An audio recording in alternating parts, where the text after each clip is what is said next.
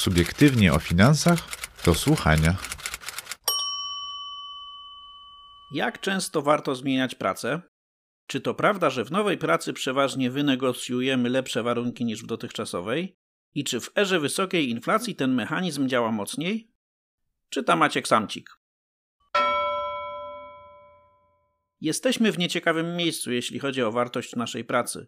Z jednej strony to, co w przeszłości zarobiliśmy, o ile nie zostało korzystnie zainwestowane, straciło na wartości w ciągu ostatnich dwóch lat około 23%.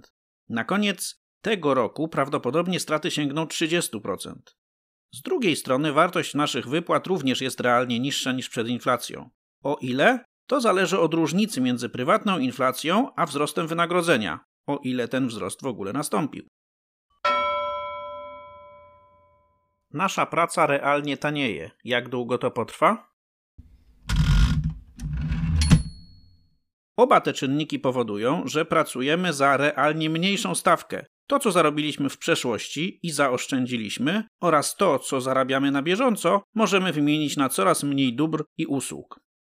Z drugiej strony przypomniałem sobie to, co kilka miesięcy temu zauważyła profesor Joanna Tyrowicz, członkini Rady Polityki Pieniężnej. Jej zdaniem nie ma się co roznamiętniać nad tym, o ile w tym czy innym kwartale wzrosła lub spadła realna wartość wynagrodzeń, tym bardziej, że mierzony pod tym względem jest tylko sektor przedsiębiorstw, w którym jest 6,5 miliona etatów z 12 milionów wszystkich pracujących, lecz trzeba patrzeć na długookresowe trendy.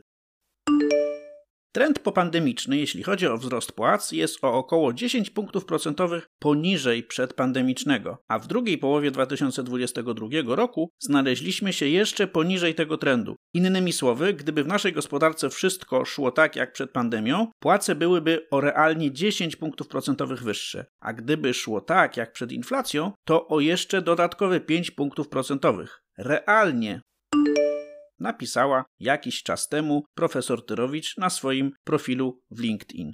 Nie sądzę, żeby w pierwszych miesiącach bieżącego roku coś się wyraźnie pod tym względem zmieniło. Pytanie brzmi, czy zmieni się w przyszłości? Bo jeśli nadal będziemy w trendzie wolniejszego wzrostu płac, to zaciskanie pasa będzie musiało nam niestety wejść w krew. Tempo wzrostu płac zależy od tempa realnego wzrostu zysków firm, inflacja temu nie sprzyja, oraz od podziału tych zysków między właścicieli kapitału i pracowników. Na subiektywnie o finansach znajdziecie tekst Maćka Bednarka o tym, jak się dzielimy zyskami firm, pracownicy z pracobiorcami, oraz o tym, co zrobić, żeby realne zyski firm były większe, czyli żebyśmy generowali większą wartość dodaną do podziału. Jak często warto zmieniać pracę? Oto dane, które dają odpowiedź.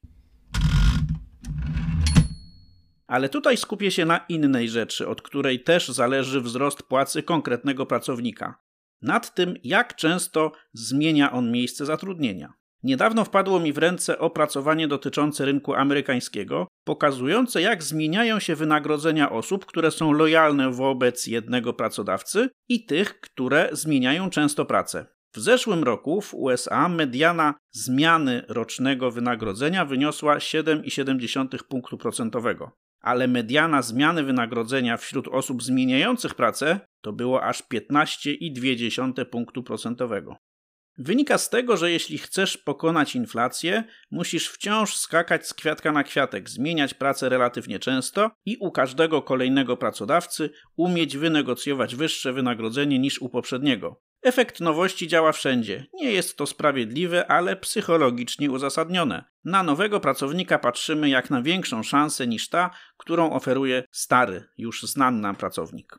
To oczywiście może tak wyglądać tylko na takim rynku pracy, który poszukuje wciąż nowych ludzi. W branżach, w których panuje kryzys i cięcie kosztów, ten mechanizm nie zadziała, ale na rynku pracy jako całości zapewne działa zawsze. Tym mocniej, im wyższa jest inflacja, a więc rośnie różnica między firmami, które na niej korzystają, a tymi, które na niej cierpią. Inflacja niestety rozwala w miarę równe warunki gry między przedsiębiorcami. Gdy jest niska, gospodarka rośnie w miarę harmonijnie i wy wygrywają ci, którzy tworzą najbardziej pożądane produkty i usługi, a więc zatrudniają najlepszych pracowników do ich oferowania.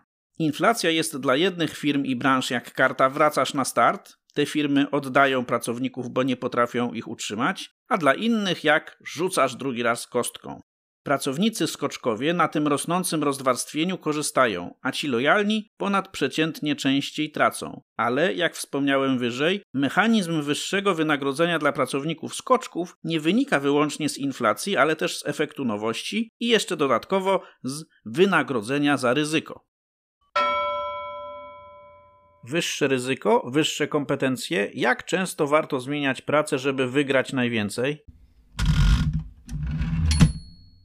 Jak często warto zmieniać pracę? Cóż, taka zmiana zawsze jest ryzykowna. Nowe otoczenie, nowe zadania, nowy szef, dużo rzeczy może pójść nie tak. To wszystko wlicza się w cenę transferu do nowego miejsca. Widziałem ostatnio wykres z badania wynagrodzeń w Polsce z 2016 roku. Co prawda to trochę stare dane, ale dość wyraźnie pokrywają się z tymi znacznie świeższymi z USA. Z tego wykresu wynika, że najniższy wzrost wynagrodzeń w skali całej kariery zawodowej mają osoby, które zmieniają pracę częściej niż dwa lata. A stosunkowo najwyższy wzrost wynagrodzeń w skali całej kariery mają osoby, które zmieniają pracę mniej więcej co 4-5 lat. Z czego wynikają wyższe oczekiwania nowego pracownika? Właśnie z ryzyka. Może się okazać, że nie będzie tak fajnie jak w starej pracy, albo firma wpadnie w tarapaty finansowe, albo zadania okażą się zbyt trudne i skończy się wypowiedzeniem umowy. Z tego powodu pracownik skoczek, podświadomie lub w pełni świadomie, negocjuje wyższą wypłatę, by pokryć dodatkowy wysiłek wynikający z aklimatyzacji w nowym miejscu pracy. Mam też jeszcze jedną hipotezę, niestety bez cienia potwierdzenia w cyferkach. Otóż może być tak, że pracownik, który zmienia otoczenie raz na kilka lat, optymalizuje swój poziom kompetencji. W każdej kolejnej pracy czegoś się uczy, tworzy nowe rzeczy, zyskuje doświadczenie. Będąc w jednym miejscu przez całą karierę zawodową, prawdopodobnie człowiek nie zdobędzie tyle umiejętności, jak zmieniając raz na jakiś czas otoczenie. A jakie jest Wasze zdanie na ten temat? To była audycja z cyklu Subiektywnie o finansach do słuchania. Więcej artykułów czytanych przez autorów znajdziecie na naszej stronie www.subiektywnieofinansach.pl w zakładce do słuchania oraz na naszym kanale podcastowym.